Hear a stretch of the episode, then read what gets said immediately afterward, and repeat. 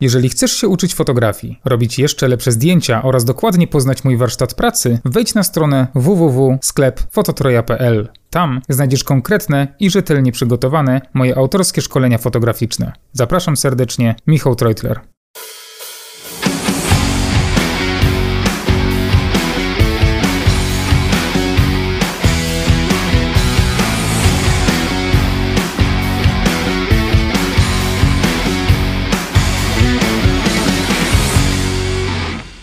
Cześć ekipa, witam Was w 16 odcinku podcastu fotograficznego Dwa źródła światła. Dzisiaj porozmawiamy o wycenie pracy fotografa oraz najczęstszych problemach z nią związanych. Zapraszamy do oglądania i do słuchania. E, to szanowni, dzisiaj nie będziemy dżentelmenami, bo dżentelmeni o finansach nie rozmawiają. Dzisiaj, dzisiaj będziemy rozmawiać o pieniądzach. Tak jest. Przy czym chcielibyśmy zaznaczyć, że jest to odcinek, który, w który zaangażowaliśmy też naszych patronów oraz kursantów. E, do których grona zapraszam dołączyć.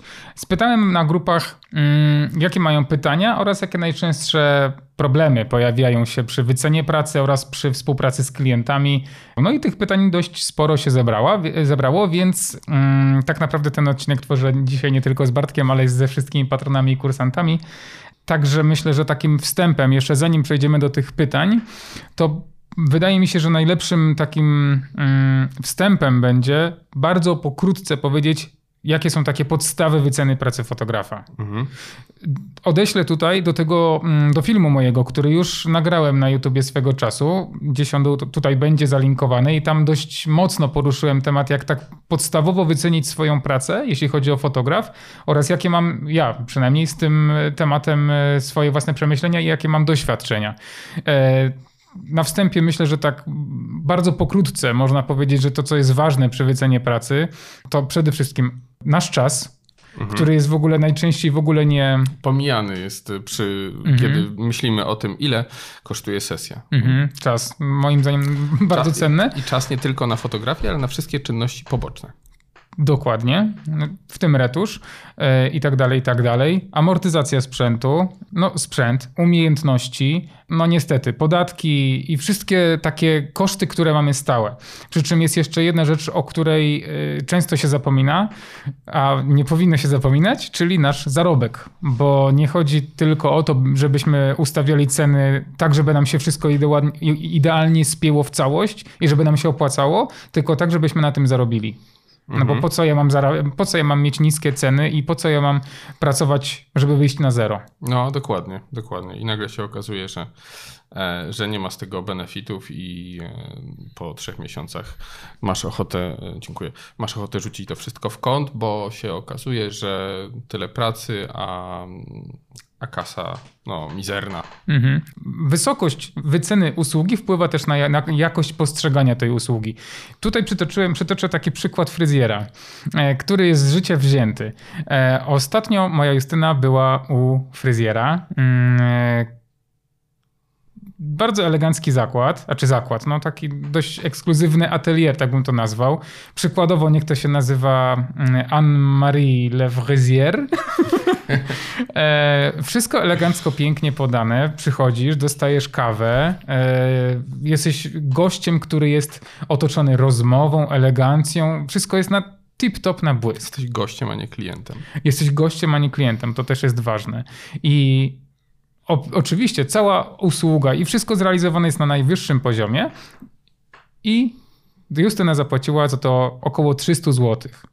Za farbowanie i podcięcie włosów. Mhm. Tylko teraz po pojawi się pytanie, czy ona zapłaciła tylko za farbowanie i podcięcie włosów?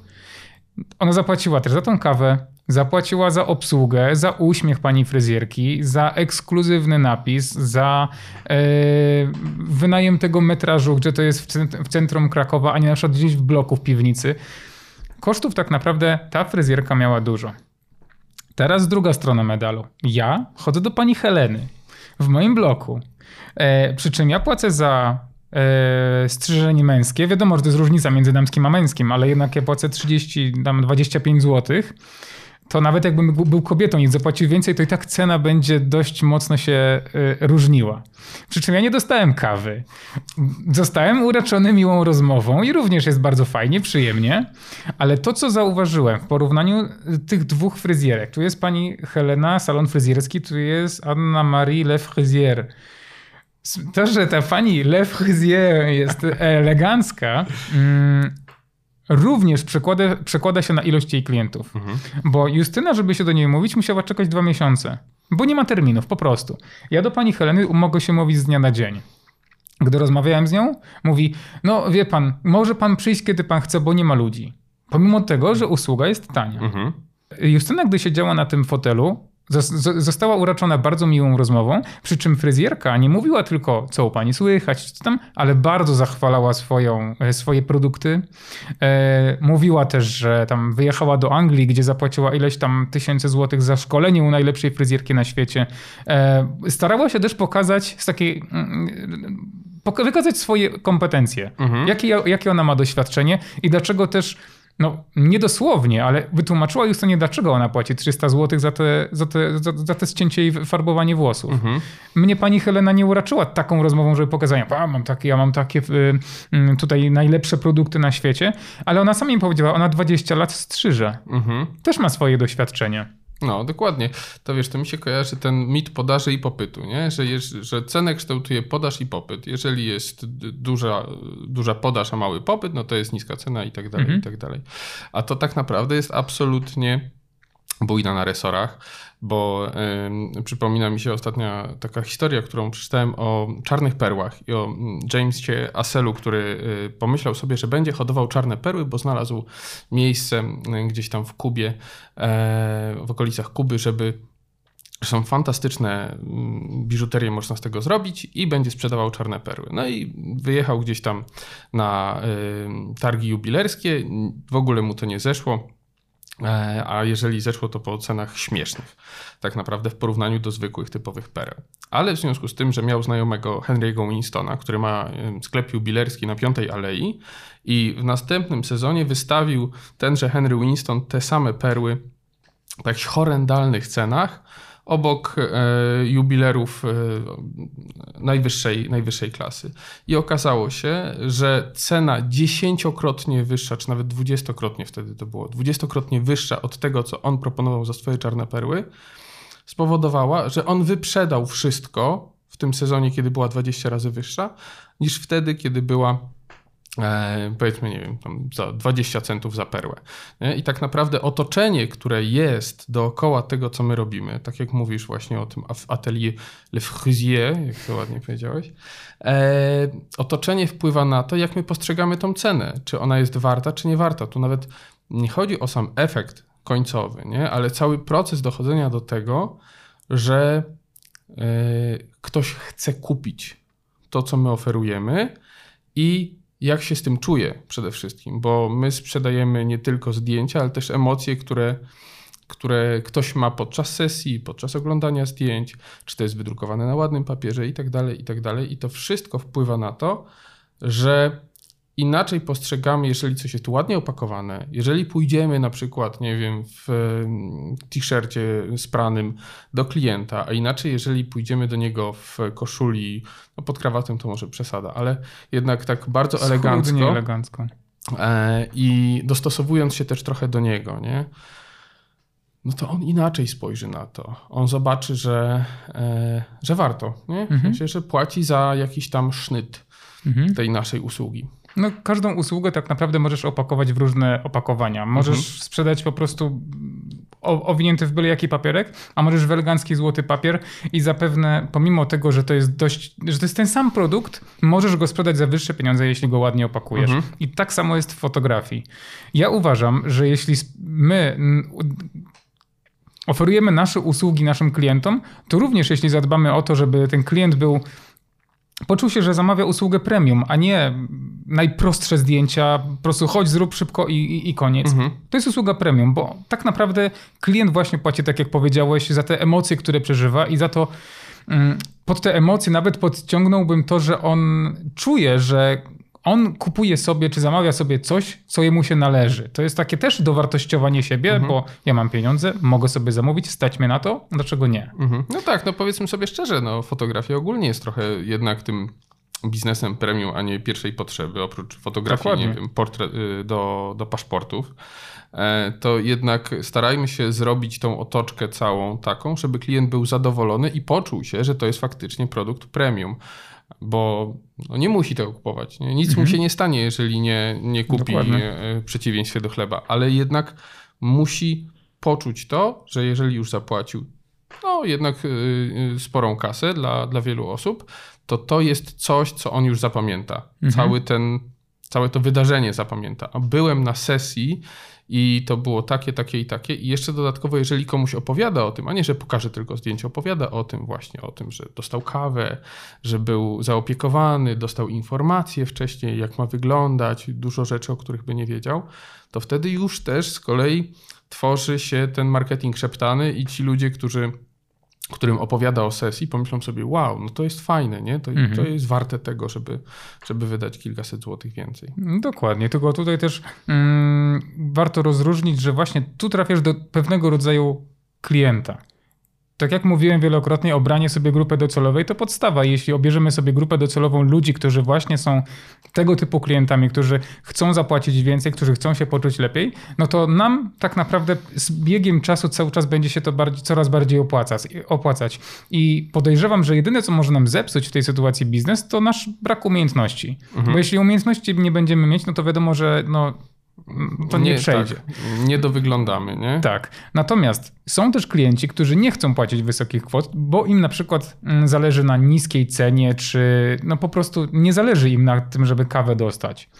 No i teraz pytanie się pojawia, czy ja, fotograf, który obrałem sobie klienta docelowego, który powiedzmy jest tym bardziej mm, klientem premium, tak bym to nazwał, choć to troszkę nieładnie brzmi, czy ja powinienem również pracować dla klientów, którzy nie chcą być mm, aż tak ekskluzywnie e, obsłużeni? Mhm. No i tu się pojawia takie pytanie, czy to wtedy nie jest oszustwo tych klientów, którym mówisz, żeby zapłacił drogo, nie? W sensie tak jakbyś sprzedawał książkę e, naszą, sprzedajemy za te 49 zł i nagle e, mówisz, a ci mają mniej pieniędzy, to sprzedajmy im za 15, nie? I to już jest wtedy trochę oszustwo ludzi, którzy kupili ją za pełną cenę, no bo dlaczego oni dostali tą samą wartość za 15, a ja dostałem to za 49, nie? Oczywiście mogą być promocje, jakieś takie okazjonalne rzeczy, natomiast takie dzielenie e, e, ludzi, w sensie ty świadczysz tą samą usługę, ale w różnych poziomach cenowych, powoduje, że jednak jest taki, że mogą klienci się poczuć oszukani, nie? Że ty za, zrobiłeś im coś dokładnie tego samego, dlaczego oni nie mieli takiej ceny? Nie? No dokładnie, i to tak naprawdę dzieli ludzi i ty podkopujesz swój własny biznes. Możesz w ten sposób zrobić sobie antyreklamę i możesz yy, paść ofiarą w cudzysłowie przez samego siebie yy, złych opinii. Dokładnie. Bo ktoś może być znajomym yy, osoby, która u ciebie była wcześniej, ona zapłaciła 100 tysięcy, a, ona, a druga zapłaciła tylko 2 złote. Różnica jest ogromna, a możesz sam sobie podkopać. Ja tutaj szukam, bo właśnie mm, Kuba Macią napisał, e, dał pytanie, czy warto mieć jeden cennik, czy ze względu na zamożność klienta rozróżniać wyższą cenę za ten sam materiał? No myślę, że to jest odpowiedź na to pytanie, że ja traktowałbym wszystkich klientów na równo. Jeśli mam, mm, obrałem sobie klienta docelowego, który chce, by zapłacił więcej, ale też dostał więcej, to wydaje mi się, że odcinałbym tych klientów, którzy, którzy raczej chcą zapłacić mniej, bo ja nie mam w takiej sytuacji wyjścia. Jeśli zniżę cenę, no to to nie jest, to, to jest nie fair w stosunku do tych klientów, którzy zapłacili więcej. Dokładnie. Z drugiej strony, klient, który chce mm, zapłacić jak najmniej, ale nie zależy mu na jakości, niestety zwykle jest bardziej roszczeniowy. Tak. Nie wiem, z czego tak to wynika, ale tak jest.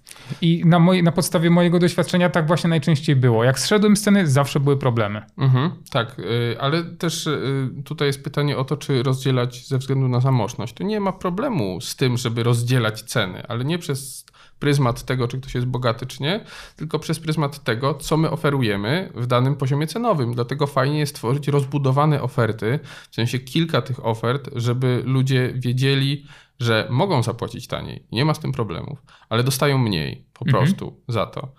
E, I, i- stąd y, można trafić też do klienta mniej zamożnego, który kupi u nas zdjęcia, ale nadal będziemy fair w stosunku do wszystkich naszych poprzednich klientów. Mhm. Ja cały czas stosuję mm, system pakietów i też bardzo dobrze mi się to sprawdza z tego względu, że mam trzy pakiety na stronie i wiem, że jeśli klient y, ma mniej y, środków, które chce przeznaczyć na sesję, no to weźmie sobie tańszy pakiet i tak naprawdę wszyscy są zadowoleni. I ja jawnie mówię, mam, mamy trzy pakiety cenowe, wybierz sobie ten, który ci pasuje i to jest rozwiązanie fair.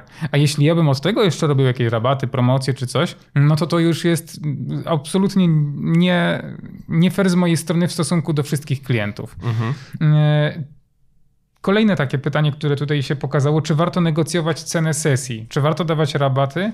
Mm, jak wybrać sytuacji, gdy ktoś pyta nas o rabat? Mhm. Moim zdaniem nie powinniśmy negocjować ceną. Ewentualnie, jeśli. Mm, na przykładzie mojego biznesu wygląda to w ten sposób, że klienci, którzy przychodzą do mnie nowi, mają stałą cenę i ona nie podlega negocjacjom. Mhm. Jeśli jednak przychodzi do mnie ktoś, kto już u mnie był na, sesja, na sesji zdjęciowej, no to wtedy mogę coś sprezentować kliento, klientowi tak jakby w gratisie, ale nie obniżam ceny, tylko daję na przykład zamiast 10, 15 zdjęć. Mhm. Niech on się poczuje, że ma ode mnie coś więcej niż taki ktoś, kto przychodzi e, z ulicy, tak bym to nazwał. No wiesz co, to świetnie się wpasowałeś w to, co chciałem powiedzieć. To z e, punktu widzenia praktyki, jest z punktu widzenia teorii, że zdecydowanie lepiej jest dawać gratis, E, i zostawić pieniądze, które są, to po angielsku take the money off the table, czyli e, te pieniądze są, tyle kosztuje sesja i tyle. I tak naprawdę my, my możemy negocjować dodatkowymi benefitami e, dla, nie wiem, czy to pracownika, czy dla osoby, z którą negocjujemy, bo to powoduje, że są dwa rodzaje relacji, takich relacja biznesowa i to są pieniądze, wymiana pieniędzy i relacja taka społeczna. No jeżeli ja bym przyszedł do ciebie i e, kupił ci wino za 50 zł, no to przyjąłbyś to jako prezent, fajnie, no się wykosztowałeś 50 zł, nie? Ale jakbym ja przyszedł i pomyślał sobie, hmm, to nie kupię mu tego wina, dam mu 50 zł, niech sobie kupi co chce, nie? Mhm. No to ty byś się pewnie na mnie obraził, że dlaczego na prezent dostaje pieniądze, nie? Więc na tej samej zasadzie zostawmy tą relację biznesową z klientem na poziomie ceny, którą mamy i tyle, rozmawiajmy na poziomie takiej reguły wzajemności, że no dobrze, jeżeli pan przyjdzie, fajnie zaangażuje się pan, to dostanie pan jeszcze właśnie albo zdjęcia, albo wydruk, albo cokolwiek innego. Gratis w ogóle jest postrzegany jako e, niesamowity wabik. Jeżeli coś kosztuje 0 zł, to nagle ludziom się przestawia coś w, w umysłach i myślą sobie, o, no to super, to coś dostaje, nie? Były takie badania, gdzie dawali ludziom albo czekoladki Lind za 10 centów, albo jakieś tam czekoladki no-name'owe za 1 centa. Większość osób znała Linta i kupowała te czekoladki za 10 centów niż za 1 centa. Przy czym potem obniżyli cenę Linta o 50 centów, czyli do poziomu 50 centów, a czekoladki gratisowe do zera, czyli realna różnica to było 1 do 50. Mhm. Nikt nie kupił Linta. wszyscy wzięli, no bo darmo, no to wezmę, tak. nie? Więc na tej samej zasadzie to trochę zmienia taką jakąś, jakiś pstryczek w głowie człowieka, że jak jest coś za darmo, to się bardziej opłaca. Mhm. Na przykładzie czekoladek. Jeśli ja bym zobaczył, że coś jest przecenione na przykład nie wiem, o 50% czy o 20%, a znam tę markę, wiem, że to jest dobra marka, to pierwsze, co mi się taka lampka zapala, o, może być blisko terminu ważności.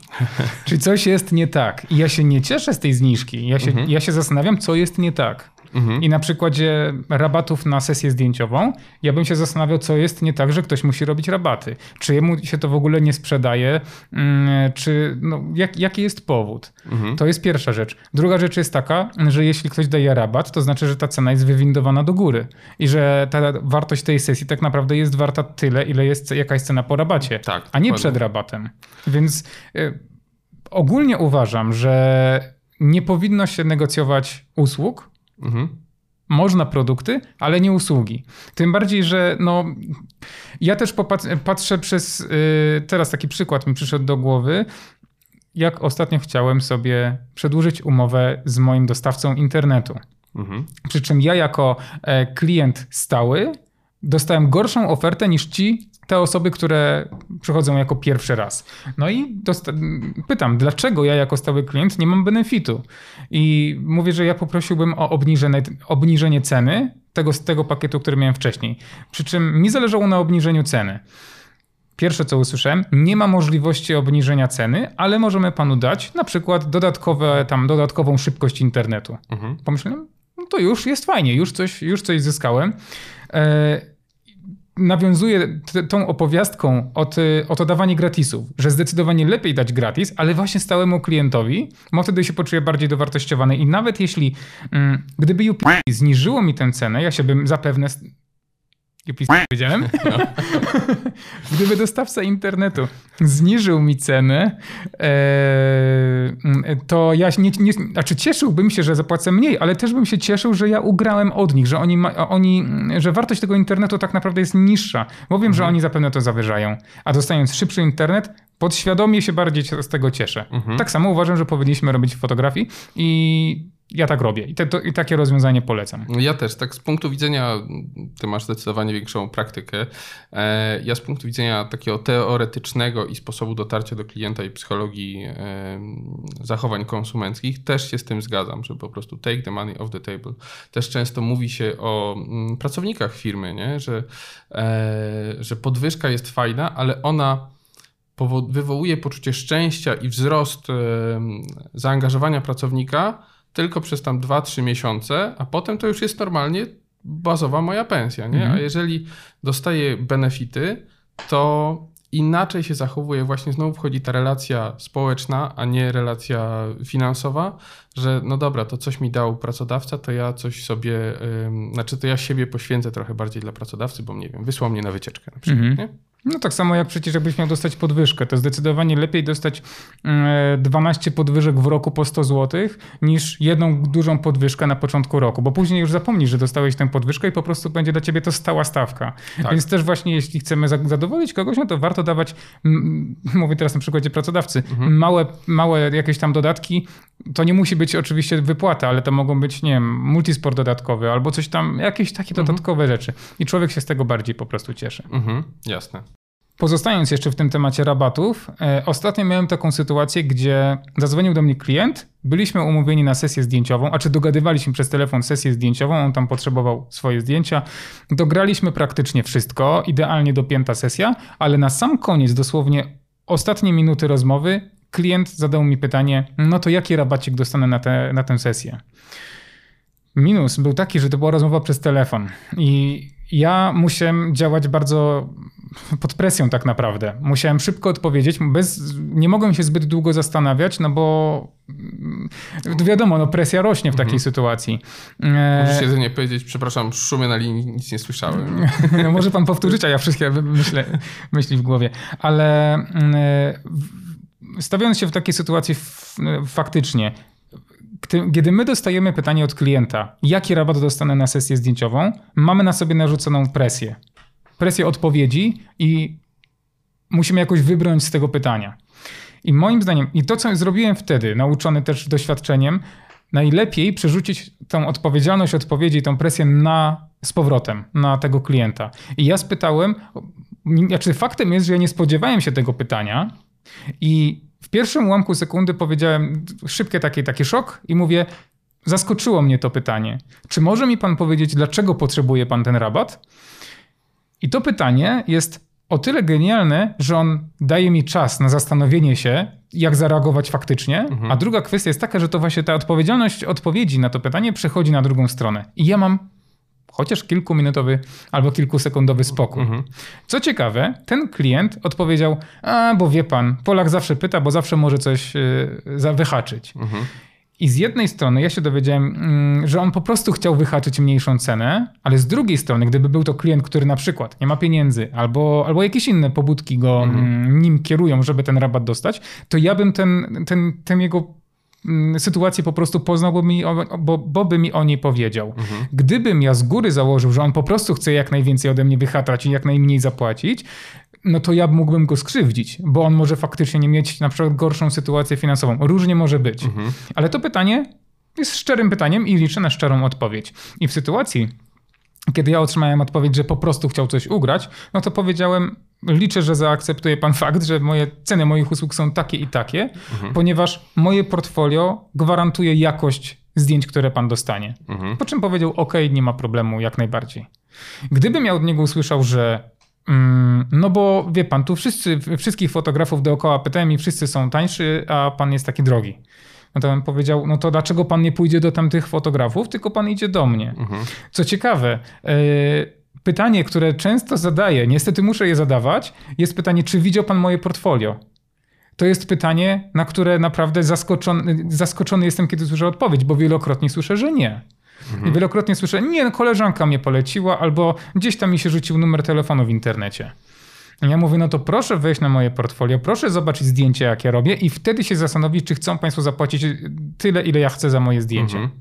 I ludzie naprawdę tego portfolio nieraz nie widzą. A gdy widzą, to tego pytania, czy można jakiś rabat zazwyczaj już nie ma, bo oni mhm. już wiedzą, za co płacą i im po prostu zależy na jakości. Mhm, jasne. To też mi się przypomina, mm, wiesz, taki, taki wujek, wujek Staszek, który przychodzi weź po znajomości, no po znajomości obniż mi cenę, nie? No to na tej samej zasadzie mogę, wujku Staszku, to po znajomości to może podwyższę cenę. No czemu y, wujek y, chce, żebym mhm. ja mniej kasy zarobił, a, a, czemu, e, a czemu w drugą stronę ta reguła wzajemności nie działa? To jest świetna, świetna w ogóle mm, idea, żeby ludzi zachęcić do twojego portfolio, bo z takiego punktu widzenia też psychologicznego trochę, to, że ty się napatrzysz, lubimy piosenki, które znamy, nie? Że ktoś się napatrzy na te twoje zdjęcia i pomyśli sobie, no miałem iść do fotografa, ale teraz to chcę do niego, mhm. nie? Bo on robi takie fajne zdjęcia. A, y, a też wynika to właśnie z takiej reguły czystej ekspozycji, czyli tego, że po prostu bardzo często dużo czasu spędziłem na jego portfolio, zobaczyłem na co on zwraca uwagę, że to jest fajne. Je, już sobie wyobraziłem siebie na tym miejscu przed tym, mhm. em, przed tym Kujawia Backdrop Streutler e, tłem i widzę, że to jestem ja. I wtedy to już nie ma tego problemu rabatu, bo on nie chce najtaniej, tylko chce u ciebie. Nie? Mhm. Jeszcze jedna taka kwestia, jeśli klient odpowie mi, że tak, widział moje portfolio, ale chce rabat, bo takie, te, taka sytuacja też się może zdarzyć. Nie, nie, mówię o sobie, ale może też o widzach. Mhm. W takiej sytuacji warto się spytać, Okej, okay, no dobrze, widział pan moje portfolio, a proszę mi powiedzieć, co w tym portfolio, portfolio się panu podoba, że zadzwonił pan do mnie. Mhm. I on zaczyna mówić, że no wie pan, ładne te zdjęcia, takie, takie, takie, takie, takie eleganckie są takie, no podobają mhm. mi się po prostu. Może, y, może gdybym po, poszedł do pana, to miałbym również bardzo dobre zdjęcia. I w ten sposób on sam sobie argumentuje cenę tych zdjęć. Nie muszę mhm. mu się tłumaczyć, dlaczego te, te zdjęcia kosztują tyle i tyle, bo on sam sobie odpowie na to pytanie. Trzeba tak kierować rozmową klienta, by zadawać jak najwięcej pytań, jak najmniej odpowiadać. Mhm. Tylko faktycznie tak zadawać pytania, żeby to klient sam sobie na nie odpowiadał. Mhm. Jeśli bym na przykład miał sytuację, że mm, klient powiedzmy mówi mi, e, chciałbym rabat, robi pan super zdjęcia, ale na ten moment nie mam tyle pieniędzy, e, czy może pan mi zniżyć cenę na przykład, nie wiem, o 30%? Ja bym powiedział, że nie. Z tego względu, że cena mojej usługi jest taka i taka. I ona nie jest, nie podlega negocjacjom, z tego względu, że to jest po pierwsze nie fair w stosunku do innych klientów, a po drugie no tyle, tyle to kosztuje, bo tyle, za tyle mi się opłaca to robić. Mhm. Jeśli by ktoś mi powiedział, że naprawdę nie ma tyle pieniędzy, to bym powiedział, proszę poczekać miesiąc lub dwa, doskładać sobie pieniądze i wtedy się do mnie zgłosić. Nie ma dla mnie problemu poczekać. Bo to tak jakbym poszedł do, mm, chciał kupić Bentleya. Jak pójdę, mhm. pójdę do salonu, to nie powiem, panie, no nie stać mnie w tym miesiącu, zejście mi o 30%. No nie powiedzą, no to panie, kup se pan malucha. Mhm. Właśnie no to, to, to, to przesada, ale, ale powiedzieliby, niech pan sobie dozbiera pieniądze i przyjdzie później później. Mhm. I podobnie jest w przypadku sesji zdjęciowych. Jeśli mamy klientów, którzy faktycznie mm, nie mają pieniędzy, nie chcą wydawać na nas pieniędzy, no to niech pójdą do kogo innego. Bo mi nie chodzi o to, żeby zarabiać jak najmniej i nie chodzi mi o to, żeby mieć jak najwięcej pracy i jak najwięcej klientów, a zarabiać mniej. Ja wolę pracować mniej, ale za wyższe pieniądze. No, ale zauważ też, jaka jest prawidłowość, to co powiedziałeś o Bentleyu że y, usługi, ceny usług negocjujemy, ale cen produktów nie negocjujemy. Nie? Jak mhm. pójdziesz do sklepu i kupujesz, nie wiem, powiedzmy, że opony, to nie mówisz, wie pan co, za 30% taniej to bym kupił te opony, a teraz to nie. Tylko mhm. no, szukasz taka i taka cena, bierzesz te opony albo nie bierzesz, nie? A jak są usługi jakieś na przykład fotograficzne z naszego poletka, no to zawsze jest ten ta obawa, w sensie ta częstotliwość, kiedy klienci pytają o rabat, jest no, kilkudziesięciokrotnie większa niż wtedy, kiedy pytają mhm. pracownika sklepu, który sprzedaje wiem, klocki hamulcowe. Nie? Mhm. Dokładnie jest na odwrót niż powinno być. Ale jeszcze wiesz, to teraz wróciłbym do tych 300 zł za fryzjer, Le Fryzier. E, Justyna zapłaciła 300 zł za podcięcie i koloryzację. E, dlaczego podcięcie i koloryzacja? Łącznie usługa trwa około powiedzmy, no nie wiem ile, godzinę, dwie, kosztuje 300 zł, a na przykład sesja zdjęciowa, gdzie czas, który poświęcasz na sesję, to powiedzmy, nie wiem, liczmy 8 godzin przykładowo, może kosztować też 200-300 zł, zależy ktoś, kto mniej więcej, mm, no, zależy od osoby. Mhm. Ceny są te same, przy czym moim zdaniem więcej zdecydowanie pracy ma fotograf. Oczywiście i tu, i tu mamy, możemy mieć fotografa, który ma, znaczy fotografa i fryzjera, który ma olbrzymie doświadczenie, najlepszy sprzęt, no wszystko na tip-top, ale wydaje mi się, że więcej pracy poświęci jednak fotograf. Mhm. Przygotowanie sesji, komunikat z klientem, retusz, oddanie, yy, koszty podejrzewam, że może też mieć fotograf większe, choć nie, tu bym już nie, nie, nie doszukiwał się, bo, bo nie znam e, biznesu e, fryzjerskiego, mhm. ale jednak ch chcę zaznaczyć, że wysokość ceny za usługi nie powinna. Po, w przypadku fotografii powinna być wyższa. Ceny sesji zdjęciowych w Polsce powinny być wyższe, bo my, sam kupując sprzęt, wydajemy olbrzymie pieniądze i robiąc sesję za 300 zł, to się niestety nie, spła nie, nie, nie spłaca. Mhm. My bardzo dużo inwestujemy, a mało mamy mm, z powrotem. Mhm. Ja, bym, ja bym teraz przeszedł do innego, znaczy powiązał to, o czym ty mówisz, z pewnym takim planem, i żebyśmy sobie porozmawiali o tym, jak na przykład osoba, która chce zacząć biznes z fotografii, powinna te usługi wyceniać. Mhm. Bo jeżeli mówisz właśnie o 8 godzin i tak dalej, i tak dalej, to yy, przy, przeciętnie wynagrodzenie to jest 5 tysięcy chyba brutto. Troszkę, wyje, troszkę więcej, ale dla mhm. prostego rachunku 5 tysięcy brutto niech to będzie. Jeżeli przechodzimy z, nie wiem, z właśnie z pracy etatowej na biznes fotografii, to te 5000 brutto musimy uznać, że to jest 5000, które powinniśmy zarobić w ciągu miesiąca, żeby być trochę mniej niż tak naprawdę e, zarabiać niż na etacie na średniej, bo to jest 1800 zł ZUS, tak? Mm, 1500 teraz. 1500 zł ZUS, no to już jest 3,5 tysiąca, które dostajesz na rękę. 3,5 e, tysiąca e, i podatek od tego dochodowy trzeba doliczyć podatek dochodowy. Tak. To jest 20%? No to zależy od formy opodatkowania, ale no ja płacę 19, niektórzy mogą płacić mniej, zależy. Okej, okay, ale... no to trzeba przyjąć, że to jest 3000 zł, które dostajesz na rękę. Tak. E, I 3000 zł mamy na cały miesiąc musimy zarobić tyle, żeby było 3000 zł, ale jeszcze trzeba w to wliczyć koszty y, naszego sprzętu. Powiedzmy, że bierzemy na raty sprzęt za 30 tysięcy złotych na, na rok, no to na miesiąc trzeba liczyć poniżej 3000. No to już nagle nam się sprzęt nie, mhm. E, nie spina. E, do tego nie damy rady robić jednej sesji dziennie, codziennie mhm. po prostu, bo nie jesteśmy w stanie tego y, wyrobić. Trzeba poświęcić czas na przygotowanie sprzętu. Ja kiedyś właśnie e, na tym poległem, w sensie takim, że myślę sobie, a dam niższą cenę, ale to króciutko wyjdzie, nie? Ale przygotowanie sprzętu i znalezienie inspiracji zajęło mi 2,5 godziny. Plus oczywiście nie liczę prądu, ładowania mhm. baterii. E, I całość kolejnych rzeczy, czyli właśnie i dogadywanie się z klientem, potem retusz, potem wysyłanie, znowu komunikacja z klientem, czy mu się podoba, czy nie, co trzeba poprawić. E, nagle wyszło mi, że ta niska cena na końcu, jak już siedziałem przy retuszu, to już byłem tak wkurzony, że zarabiam jakieś kilka złotych na godzinę, że najchętniej to bym wysłał to i masz takie, za ile zapłaciłeś. Nie? Mhm. Ale to była moja wina, że ja nie uwzględniłem tych różnych rzeczy, które trzeba uwzględnić prowadząc biznes fotograficzny, bo my nie robimy zdjęć. Robienie zdjęć to jest, nie wiem, 15-20% naszego czasu, reszta to jest prowadzenie biznesu, o którym się nie mówi, o, nie wiem, pisaniu oferty.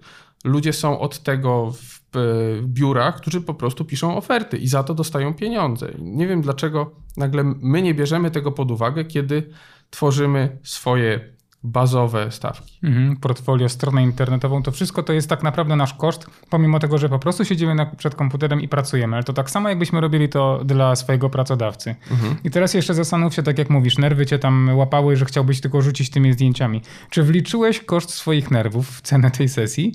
Zapewne nie. A twoje nerwy moim zdaniem też dużo kosztują. E, tak samo po, po oddaniu tych zdjęć policzyłeś, ile faktycznie zaoszczędziłeś pieniędzy? No. Nie, no absolutnie, no absolutnie nie. Ale to też jest y, na tej zasadzie szczerości klient-fotograf, nie?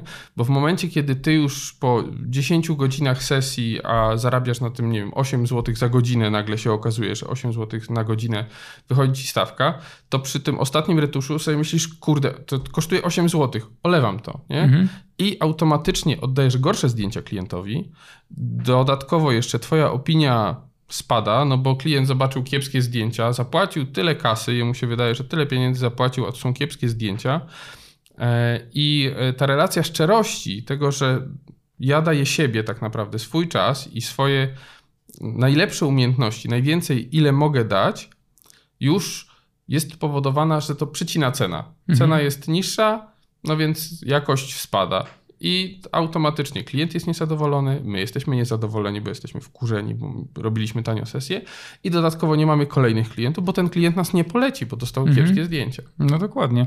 Jeszcze właśnie tutaj bym popatrzył przez pryzmat tego, że jeśli ty byś wycenił sobie sesję zdjęciową naprawdę wysoko, tak żebyś faktycznie był zadowolony z tych pieniędzy, no to właśnie będzie ci się chciało pracować i ta jakość zdjęć będzie wysoka i klient będzie bardziej zadowolony. Więc to jest kolejny argument za tym, żeby wysoko wyceniać swoje sesje. My przede wszystkim musimy mierzyć wysoko, jeśli chodzi o, o, o, o ceny sesji zdjęciowych. Znaczy, tak, to też powiedziałbym wysoko, ale racjonalnie, w sensie, żeby też nie oszukiwać kogoś, nie? Że Oczywiście. wyskoczymy z ceną z kapelusza za, nie wiem, 10 tysięcy za sesję portretową, przy naszym średnim doświadczeniu na przykład e, i 10 e, tysięcy nagle się okaże, no ale za co? Mhm.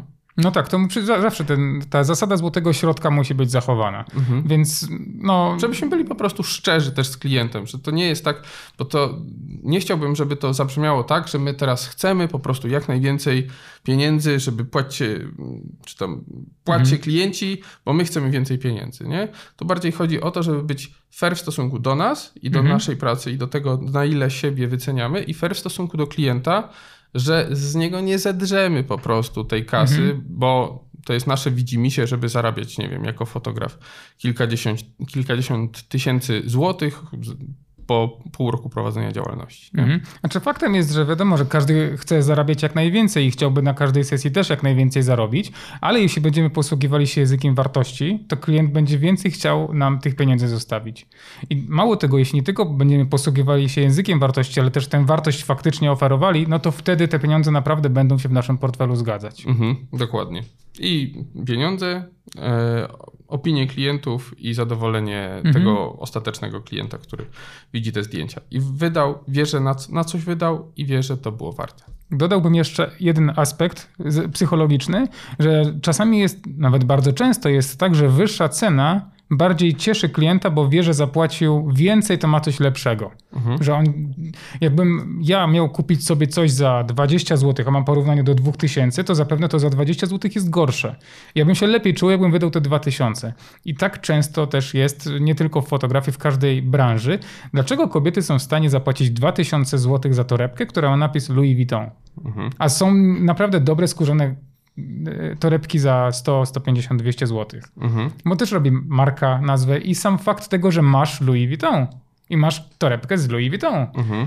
To, jest, to jest czysta psychologia, więc oczywiście na, nie na początkowym etapie, ale na pewnym etapie rozwoju fotograficznego warto też mm, swoją markę tak jakby włączyć trochę w wycenę swojej mhm. pracy. Bo jeśli my budujemy swoją markę przez jakiś dłuższy okres i nasza marka coraz więcej znaczy i coraz więcej klientów nas poleca, no to my nawet własnym nazwiskiem, własną firmą gwarantujemy jakość. Mhm. I często jest tak, że ludzie chcą iść do nas, e, no bo po prostu my gwarantujemy tę jakość i oni po prostu nas znają. I to moim zdaniem również powinno być w cenie zawarte. Mhm.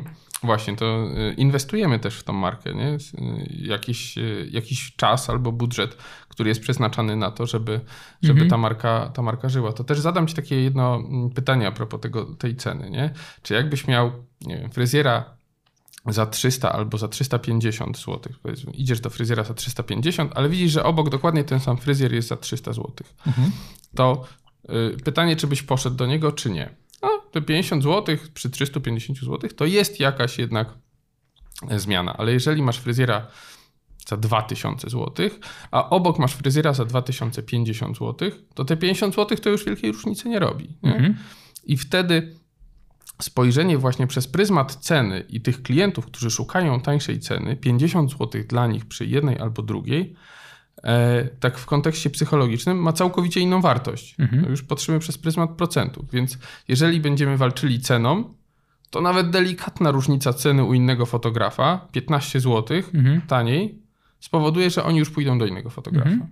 A jeżeli nie będziemy walczyli i tworzyli swojego obrazu na podstawie najtańszych cen, e, tylko właśnie tych wartości, to te 15 zł nie będzie właściwie żadną różnicą dla osoby, która miałaby to wydać. No i to jest bardzo fajne, tak jakby podsumowanie tematu, dlaczego nie konkurować ceną. Bo nawet 5 zł może ci zrobić różnicę Mhm. czasami, to zależy od człowieka. Ale też właśnie nie skreślałbym tych klientów, którzy chcą zapłacić mało. Na przykładzie mnie i mojego fryzjera, kiedy płacę 25 zł.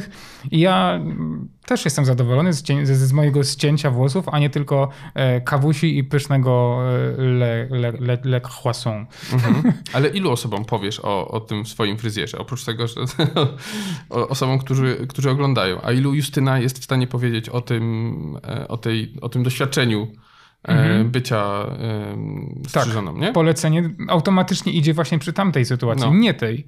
Przy czym też pamiętam, jak Justyna wróciła tego fryzjera i ona nie, nie pokazywała mi pierwsze, patrz jaką mam fryzurę, tylko wow, jak ja zostałam obsłużona, Mhm. jaki to w ogóle tam jest klimat, jak tam jest czysto, elegancko, tam jest wszystko wow. Ja mówię, pokaż głowę. Wiesz, to, to jest też taka czysta psychologia, jak zostaniesz super obsłużony, to to bardziej zapamiętasz. Tak. No nie? No i masz darmowy trochę marketing, nie? Mhm. Nawet Bo- ja już wiem, że iść do Anne-Marie Le, Le bym poszedł tam, jeśli chciałbym być faktycznie Mhm. w 100% idealnie obsłużony. Mhm. Przejdźmy może do tych pytań, które dostaliśmy od patronów, bo mamy ich naprawdę sporo. Pierwsze pytanie. Kaja Giza napisała, czy podczas wyceny sesji sugerować się cenami w swoim okręgu? Czy może ustalać swoją indywidualną, o, indywidualną opartą na doświadczeniu i włożonej pracy? No na to trochę odpowiedzieliśmy, czy, e, czy robić tanio, czy drogo, bo jeżeli e, masz jakiś workflow, a ktoś inny ma całkowicie inny workflow i działa wszystko na presetach, to tworzenie sesji pod konkurencję spowoduje, że y, albo po trzech miesiącach odpuścisz, bo już ci nie będzie stać, w sensie Mhm. już y, wyjesz swoje oszczędności, będziesz wkurzona i tak dalej, i tak dalej. Więc y, raczej bym spojrzał, oczywiście trzeba zrobić research konkurencji, ale nie równać do nich, Mhm. bo to nie ma sensu. Trzeba patrzeć przez pryzmat tego, ile ja chcę zarabiać, czy mi się to opłaca, bo jeżeli faktycznie no, będziemy chcieli zarabiać 10 tysięcy, nie wiem, w mieście powiatowym z fotografii na miesiąc, może być to trudne. I wtedy nikt nie mówi, że musisz zostać tym fotografem, nie? Mhm. Może jednak się prze... zmień pracę, weź kredyt. E, Dlatego y, trzeba być świadomym konkurencji, ale mimo wszystko nie równałbym cen do konkurencji. Mhm. Choć ja, tu, ja tutaj jeszcze bym zaznaczył, że e, pytanie Kai troszeczkę sugeruje, że, za, że za, za, zacieśnia ona swoje grono potencjalnych e, klientów i e, konkurencji na jakiś obszar. Mhm. A ja polecałbym nie przywiązywać się terytorialnie do, do, do swojej miejscowości zamieszkania. Mhm. Ja, ja na przykład praktykuję to, że usługi oferuję na całą Polskę i dobrze mi się sprawdza to, bo klienci są w stanie przyjechać do mnie z każdej części Polski, a nawet z zagranicy. Mhm. W ostateczności również ja mogę podróżować. Ale jeśli miałbym porównywać swoje ceny na przykład do kogoś, kto mieszka w Niemczech, jakimś foto- fotograf z Niemiec, albo nie wiem, z Opola, albo ze Świnoujścia, no to wycena mojej pracy byłaby w ogóle nieadekwatna ani do obszaru, a do regionu, ani do niczego. A założę się, że zawsze znajdzie się klient, który będzie chciał zapłacić, który będzie mógł zapłacić jeszcze więcej niż ja będę chciał, bo go po prostu będzie na to stać. Mhm. Więc na pewno nie porównywałbym swoich cen do, do konkurencji, nawet z naszego małego poletka czy większego, Mm, no bo to nie ma sensu ogólnie. Plus konkurencja cenowa y, tak naprawdę jeszcze bardziej zaniża ceny rynkowe Mhm. naszych sesji, bo jeśli my konkurujemy, że damy te 5 zł taniej niż tam pan Ziutek obok, no to znowu to jest niższa cena i znowu jesteśmy mniej zadowoleni. Mhm. A jeszcze zaznaczyłbym, że warto przede wszystkim mieć takie ceny, za jakie chce nam się pracować. Mhm. Zresztą o tym też już powiedzieliśmy Tak. wcześniej. Dobrze, Rafał Czyż napisał, e, jak ustalić stawki na początku kariery fotografa? Na przykład robisz po raz pierwszy raz jakiś reportaż, na przykład chrzciny i jak to, wy, jak to wycenić? E, No, tu jest właśnie to jednak znajomość rynku. Mhm. E, Plus, no trzeba to gdzieś tam podzielić albo przemnożyć znajomość rynku, czyli średnie ceny i to, czy nam się opłaca, czy nam się chce. W sensie, y, no wiadomo, że nikt, kto robi płatną sesję, nie rzuca się od razu, kupił aparat, idzie robić płatną sesję. Nie? Mhm. Mniej więcej wie, ile czasu go to kosztuje, robienie sesji. E, dodatkowo trzeba to jeszcze przemnożyć przez nerwy Mhm. i, i to, że robi się y, coś po raz pierwszy. E, Jeżeli robisz coś po raz pierwszy, no to wiadomo, że ty też nie masz takich jasnych umiejętności. Nie jesteś świadomy tego, Mhm. ile czasu ci to zabierze. Zwykle zabierze ci to więcej czasu, Mhm. e, ale stawkę ja bym zostawił mniej więcej tą samą. E, Będziesz miał stawkę godzinową mniejszą i to jestem przekonany, że na 100% będzie, bo jeżeli coś robisz pierwszy raz, nie zwracasz na różne rzeczy uwagi, bo doświadczenie d- powoduje, że robisz to szybciej. E, Przez to wydaje mi się, że to jest właśnie ten złoty środek, czyli mniej więcej zobaczyć, ile cię to kosztuje czasu, Mhm. ile robi, za ile robi konkurencja i wtedy sprawdzisz, czy ci się na przykład opłaca robić po tyle, ile robi konkurencja. Mhm. Czy na przykład musisz dać stawkę wyższą, albo będziesz w ogóle zadowolony, że super, e, jest e, ta stawka konkurencyjna, absolutnie mi wystarcza. Mhm. Też zależy od osoby. O, jeśli fotograf przykładowo jest osobą, która ma pracę na etacie, która zarabia sobie na fotografii dodatkowo, no to jest inna sytuacja niż fotograf, który się utrzymuje z fotografii. Bo jeśli jest osoba, która się utrzymuje z fotografii, to zapewne będzie miała stawki jeszcze wyższe. Zazwyczaj ci amatorzy, którzy sobie tak w cudzysłowie dorabiają robieniem zdjęć, mają dużo niższe stawki mm, niż profesjonaliści i niektórzy twierdzą, że oni psują rynek. Mhm. Uważam, że nie, ale to osobny temat. Mm, e, W takiej sytuacji, jeśli mamy osobę, która sobie dorabia e, i ma zapytanie przykładowo o chrzest, no to ja na pewno bym się zorientował, po jakie są ceny mniej więcej u profesjonalistów i zastanowiłbym się, czy e, chce mi się pracować za cenę niższą niż ta, która jest u profesjonalistów. Mhm. Przy czym ten rozstrzał cen u profesjonalistów może być też ogromny. Zależy też od doświadczenia fotografa, bo niektórzy będą chrzest robili za 300 zł, a inni za 2000, to zależy.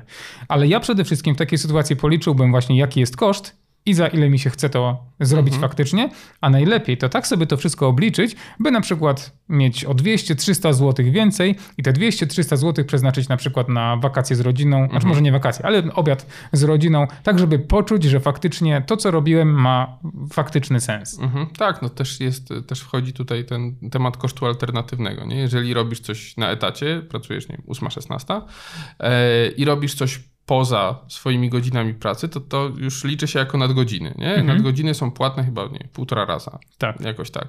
Więc musisz to, że robisz coś poza, czyli poświęcasz czas dla rodziny, poświęcasz czas, który spędziłbyś jakoś inaczej, no to jest właśnie ten koszt alternatywny, że e, ta praca, która jest spoko i masz wolne popołudnia, nagle ten pozytyw tej pracy odchodzi w niebyt, bo masz zajęte popołudnia, bo robisz coś wieczorami albo rankami Mhm. wczesnym e, w nocy.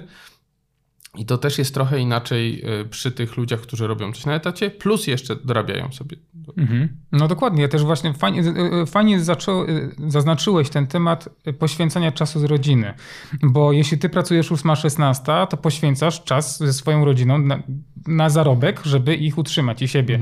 Natomiast jeśli bierzesz dodatkowe zlecenia po tej pracy, no to to jest dodatkowy czas, który tracisz, jeśli chodzi o y, kontakt z rodziną, czy jakikolwiek czas, jaki potrzebujesz zrobić. Więc to jest, to jest ten czas, o którym mówiliśmy na początku.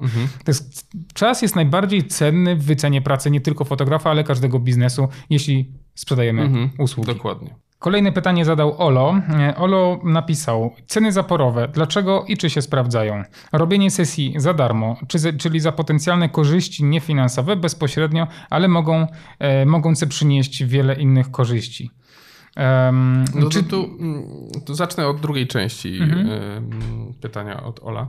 E, Znowu mamy tą relację społeczną i relację finansową. Nie? Jeżeli ktoś e, życzy sobie pieniądze za coś, to już jest oczekiwanie i tak dalej, i tak dalej. A jeżeli jest e, właśnie to, że ty mi pomożesz, albo ja ci pomogę, to jest taka reguła wzajemności. Ja nie oczekuję tego, że ty mi za to, za, za to że ja ci pomogę, y, zapłacisz, bo ja wtedy liczę gdzieś, o z tyłu głowy mam, ok, to może mi kiedyś pomoże też, albo ja mu kiedyś pomogę za to, że, Mhm.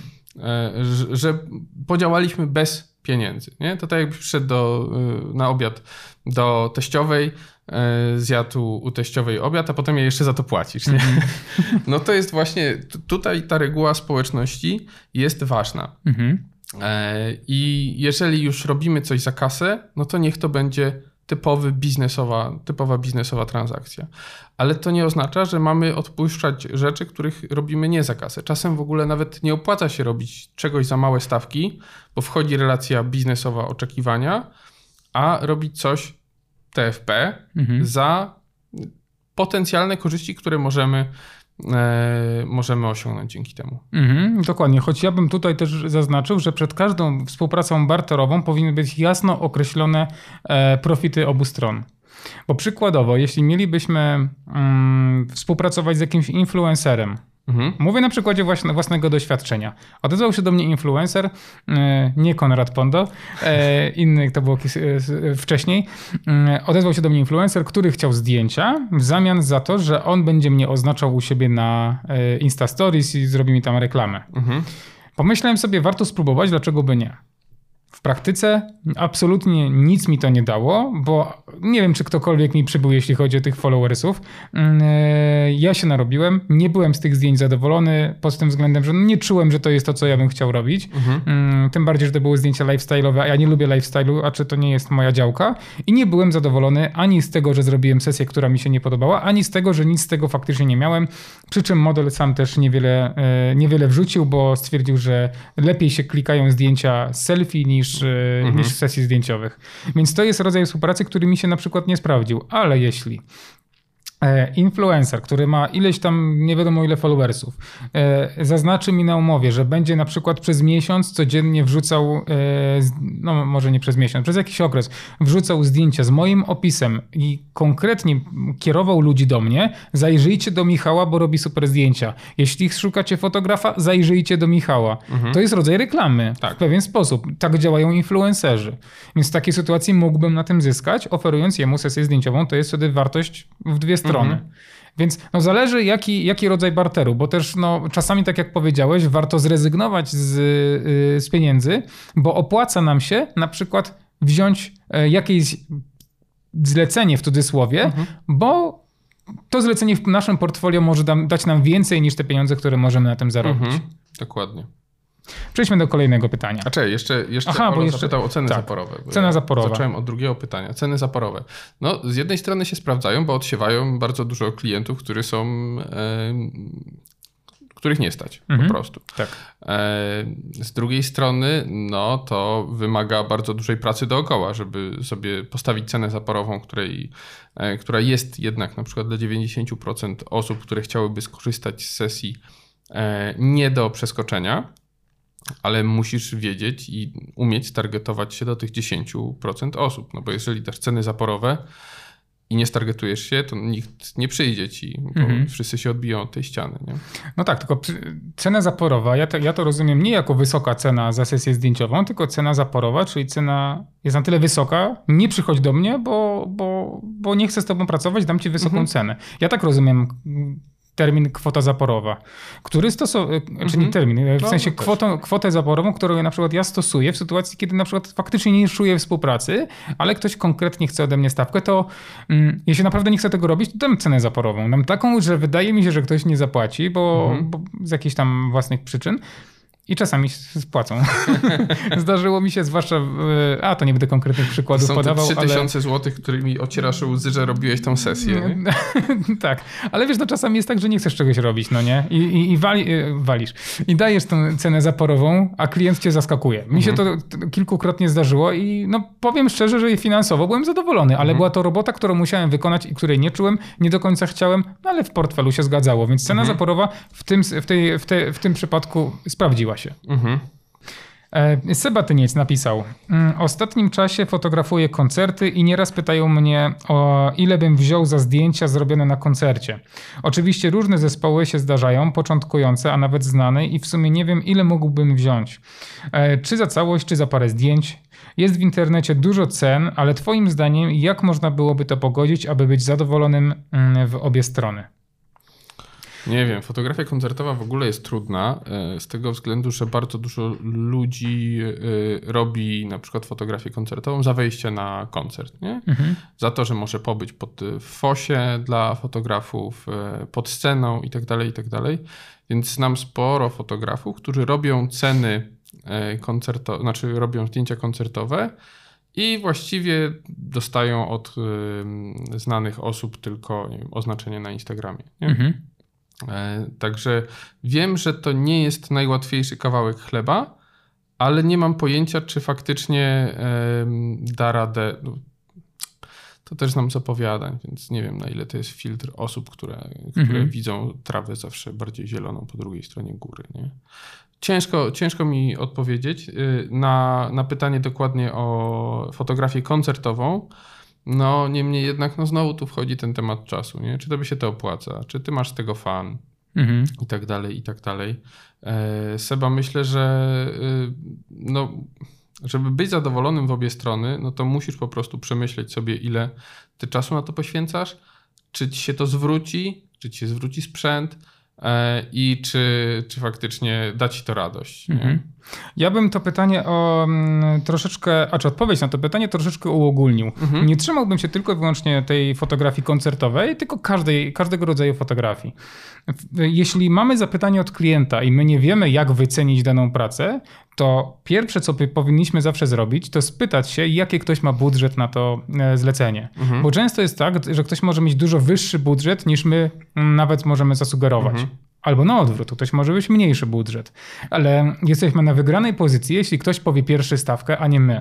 Mhm. Więc pierwsze pytamy się klienta. Jeśli powie, no nie wiem jakie są teraz stawki na rynku, niech pan powie ile pan chce. Mhm. To w takiej sytuacji ja bym się spytał dalej, idąc mm, formą pytań, nie odpowiedzi. Czy zależy wam na konkretnej ilości zdjęć, czy na jakie są wasze pobudki, jakie zdjęcia konkretnie chcecie? Wtedy oni bardziej precyzują swoje Mhm. zapytanie i ja na podstawie tego mogę się zastanowić, czy ja zaoferuję im powiedzmy 20 zdjęć, mm, które są powiedzmy tam w cenie jakiejś, czy mm, usługę, z której wyjdzie ileś tam bardzo dużo zdjęć, ile wyjdzie, tyle wyjdzie, tyle wam oddam, za jeszcze inną kwotę. I znowu mogę sobie to w głowie jakoś ustalać. I fina- finalnie dochodząc pytaniami do, do wszystkich odpowiedzi, mogę zastanowić się, za jaką kwotę faktycznie chce mi się to robić, jakie mam koszty. Czyli wracam do, wracamy do tego, że odpowiadamy sobie na pytanie, za ile chce nam się pracować. Mhm. Po uwzględnieniu kosztów, amortyzacji, podatkach, wszystkim. No i wtedy możemy oczywiście najlepiej delikatnie zawyżoną cenę dać e, jako ofertę. Jeśli ktoś powie, że no to tak średnio, troszeczkę za dużo, no to mógłbym powiedzieć, że no dobrze, no to tak już wygląda sytuacja, że za dużo to jest dla was, no to może w tej sytuacji bym zszedł z ceny, dlatego że ją specjalnie wcześniej zawyżyłem. Nie dlatego, że to jest moja stała cena, tylko dlatego, że ją specjalnie zawyżyłem. Czyli daję sobie ten margines do negocjacji. I wtedy, no dobrze, no to mogę zejść o te powiedzmy 100 zł niżej, e, ale no i dopinam tę rozmowę, mówiąc to w takim razie ja schodzę niżej i jesteśmy umówieni na zdjęcia. Mhm. I wydaje mi się, że takie rozwiązanie jest najbardziej optymalne. Jeśli ktoś z Was ma inne przemyślenia, dajcie znać, jakbyście wybrnęli z tej sytuacji. Nie wiem, jak z tymi rabatami. W sensie ja nadal mam jakieś takie, nawet, nawet jeżeli zawyżasz cenę, Mhm. to czy ten rabat to nie jest właśnie trochę taki. No, w dwie strony on działa. Mhm. Nie? Z jednej strony faktycznie możesz sobie zawyżyć i potem wiedzieć, że a i tak zejdziesz. E, I wtedy niby obie strony są zadowolone, bo coś ugrały, ale z drugiej strony y, no, koszty te, te, te pieniądze, które nagle stają się problemem Mhm. dla kogoś, powodują, że no, ale wiesz co, te zdjęcia to mi się nie podobają. Weź, weź no zejdź mi jeszcze tam z 50 Mhm. zł, to ci zapłacę, bo no po prostu oczekiwałem czegoś innego. Mhm. Wiem, no zgadzam się jak najbardziej z tobą. Uważam, że też zależy to od sytuacji. Kiedy mm, na, na etapie wyceny sesji zdjęciowej, takie, że faktycznie mm, ani ja, ani ten ktoś nie wie ile powiedzieć, no to w tej sytuacji ja zwykle zakładam taką opcję negocjacji pod tym względem, że no, negocjujemy, ustalamy warunki sesji. I ja w takiej sytuacji jestem skory zejść tylko w sytuacji, kiedy specjalnie zawyżyłem do negocjacji. Mhm. Choć z drugiej strony też no, kłóci się z tym, co kłóci się to z tym, co powiedziałem wcześniej, że nie nego- negocjujemy usług. Mhm. Zależy to od sytuacji, więc no ciężko mi powiedzieć, Ale czy masz faktycznie. rację.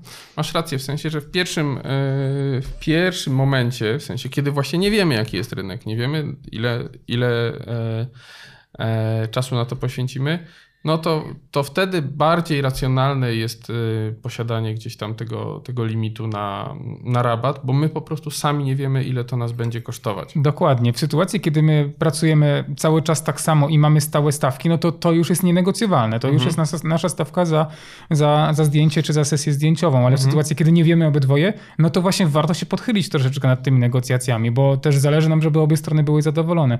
W przypadku fotografii koncertowej, no tak jak powiedziałeś, jest wielu fotografów, którzy są w stanie za wejściówkę zrobić, więc też by mi zależało na tych negocjacjach, żeby obie str- strony miały sytuację win-win, żeby to zrobić, żeby oni pomyśleli, a no to weźmiemy jakiegoś fotografa, który to zrobi za darmo za wejściówkę. Mhm. No więc zależy od sytuacji, ale myślę, że odpowiedzieliśmy na to pytanie dość wyczerpująco. Mhm. E, Tomek Pacena napisał. Kilka razy w swoich filmach wspominałeś, że nie warto konkurować ceną. E, Zawsze znajdzie się ktoś tańszy, to prawda. I droższy, to prawda. E, I że podniesienie cen w naturalny sposób eliminuje tego bardziej roszczeniowego klienta. E, Mam jednak wrażenie, że dla większości zwykłych Kowalskich i Nowaków, przynajmniej w mniejszych miastach, cena stanowi wciąż główny argument, dla którego wybierają danego fotografa. Jakość zdjęć stawiając na drugim miejscu. To stawia dla mnie trochę pod znakiem zapytania podnoszenie cen. Wtedy bowiem klientów może w ogóle zabraknąć. Jak to pogodzić? Jak wyczuć odpowiedni moment? I ogólnie, jak z tym żyć, panie premierze? Też dużo powiedzieliśmy na ten temat. Ja myślę, że to obranie klienta docelowego, czyli tego, który chce zapłacić więcej, e, oczywiście na pewnym etapie rozwoju nasze, naszej fotografii jest w pewnym stopniu gwarancją tego, że będziemy zarabiać, bo jeśli my byśmy w ten sposób od samego początku naszy, naszej biznesowej y, przygody fotograficznej e, rozpoczęli, że od początku mamy mega wysokie ceny i kwota tak właśnie bardzo wysoka i super jakość usług przy jeszcze niedużym portfolio, no to możemy sobie podkopać biznes. Ale w sytuacji, kiedy my, tak jak mówiliśmy o tym planie biznesu fotografa wcześniejszych we wcześniejszym odcinku, jeśli przez dany okres budujemy biznes, budujemy naszą markę i, i jakość naszych usług, no to to jest normalne, że podwyższamy ceny, bo w dzisiejszych czasach wszystko idzie do góry. Wszystko idzie do góry, więc no dlaczego sesje zdjęciowe mają do góry nie iść? Ja uważam, że, im, że z biegiem rozwoju naszego biznesu i naszych umiejętności ceny muszą iść w górę. Klient musi to rozumieć. A jeśli w pewnym momencie braknie klientów, no to zastanawiałbym się, co ja robię źle. Mhm. Bo coś muszę robić źle. Być może nie robię na tyle dobrych zdjęć, że ludzie chcą mi w stanie zapłacić, e, że będą w stanie mi zapłacić tyle za te zdjęcia, ile ja chcę. Mhm. I to też jest jeden z problemów w momencie, kiedy przechodzisz właśnie z tego dorabiania sobie na fotografii na fotografię, która staje się twoim głównym źródłem zarobkowania, nie? Bo fajnie jest, jak tam wpadnie tam kilkaset złotych miesięcznie, czy tam ty, ty, tysiączek z haczkiem miesięcznie, nie wiem jaka jest teraz do nierejestrowanej granica. I w momencie, kiedy ty nagle przechodzisz na swoją działalność i zaczynasz dostrzegać, ile kosztuje ZUS, ile kosztuje podatki dodatkowo, a nadal masz tych klientów, bo klienci już roznieśli opinię, że sesja u ciebie to kosztuje 300 zł i już ci po prostu się nie opłaca robić za 300 zł. Powiedzmy, Mhm. że nie opłaca ci się. Musisz podnieść i to musisz podnieść dosyć drastycznie tą cenę. I wtedy ktoś się ciebie pyta, no a jaką pan ma cenę? 400 zł. Ale tu koledze tam jeszcze dwa miesiące temu robił pan 300. Czemu pan tak podniósł? Nie, niech mi pan spuści do 300, to przyjdę do pana. Więc trzeba też e, od razu sobie wziąć pod uwagę, jeżeli oczywiście mamy taki plan, żeby przejść na, na swój biznes fotografii, e, żeby nie zaniżyć tych cen tak, żeby to psucie rynku, o czym powiedziałeś, żeby samemu sobie zep nie zepsuć rynku. Mhm. Nie? Że ja w związku z tym, że nie wiem, trzy miesiące temu, bo pracodawca płacił za mnie wszystkie opłaty, e, trzy miesiące temu to mogłem sobie na to pozwolić, a teraz już po prostu nie mogę. I nagle jestem bez pracy etatowej, chcę przejść na swój biznes, ale nikt nie chce płacić mi tyle, ile ja chcę, żeby to miało ręce i nogi. Mhm, dokładnie tak. Ja nie mam nic przeciwko niższym, niskim cenom za sesję zdjęciową, mhm. bo tak jak właśnie rozmawiamy, osoby, które na przykład dorabiają sobie z fotografii po, po, po, po, pracy swojej normalnej, mają pełne prawo do tego, żeby mieć niższe ceny niż profesjonaliści. Dopóki im się to opłaca to robić, to wszystko jest w porządku.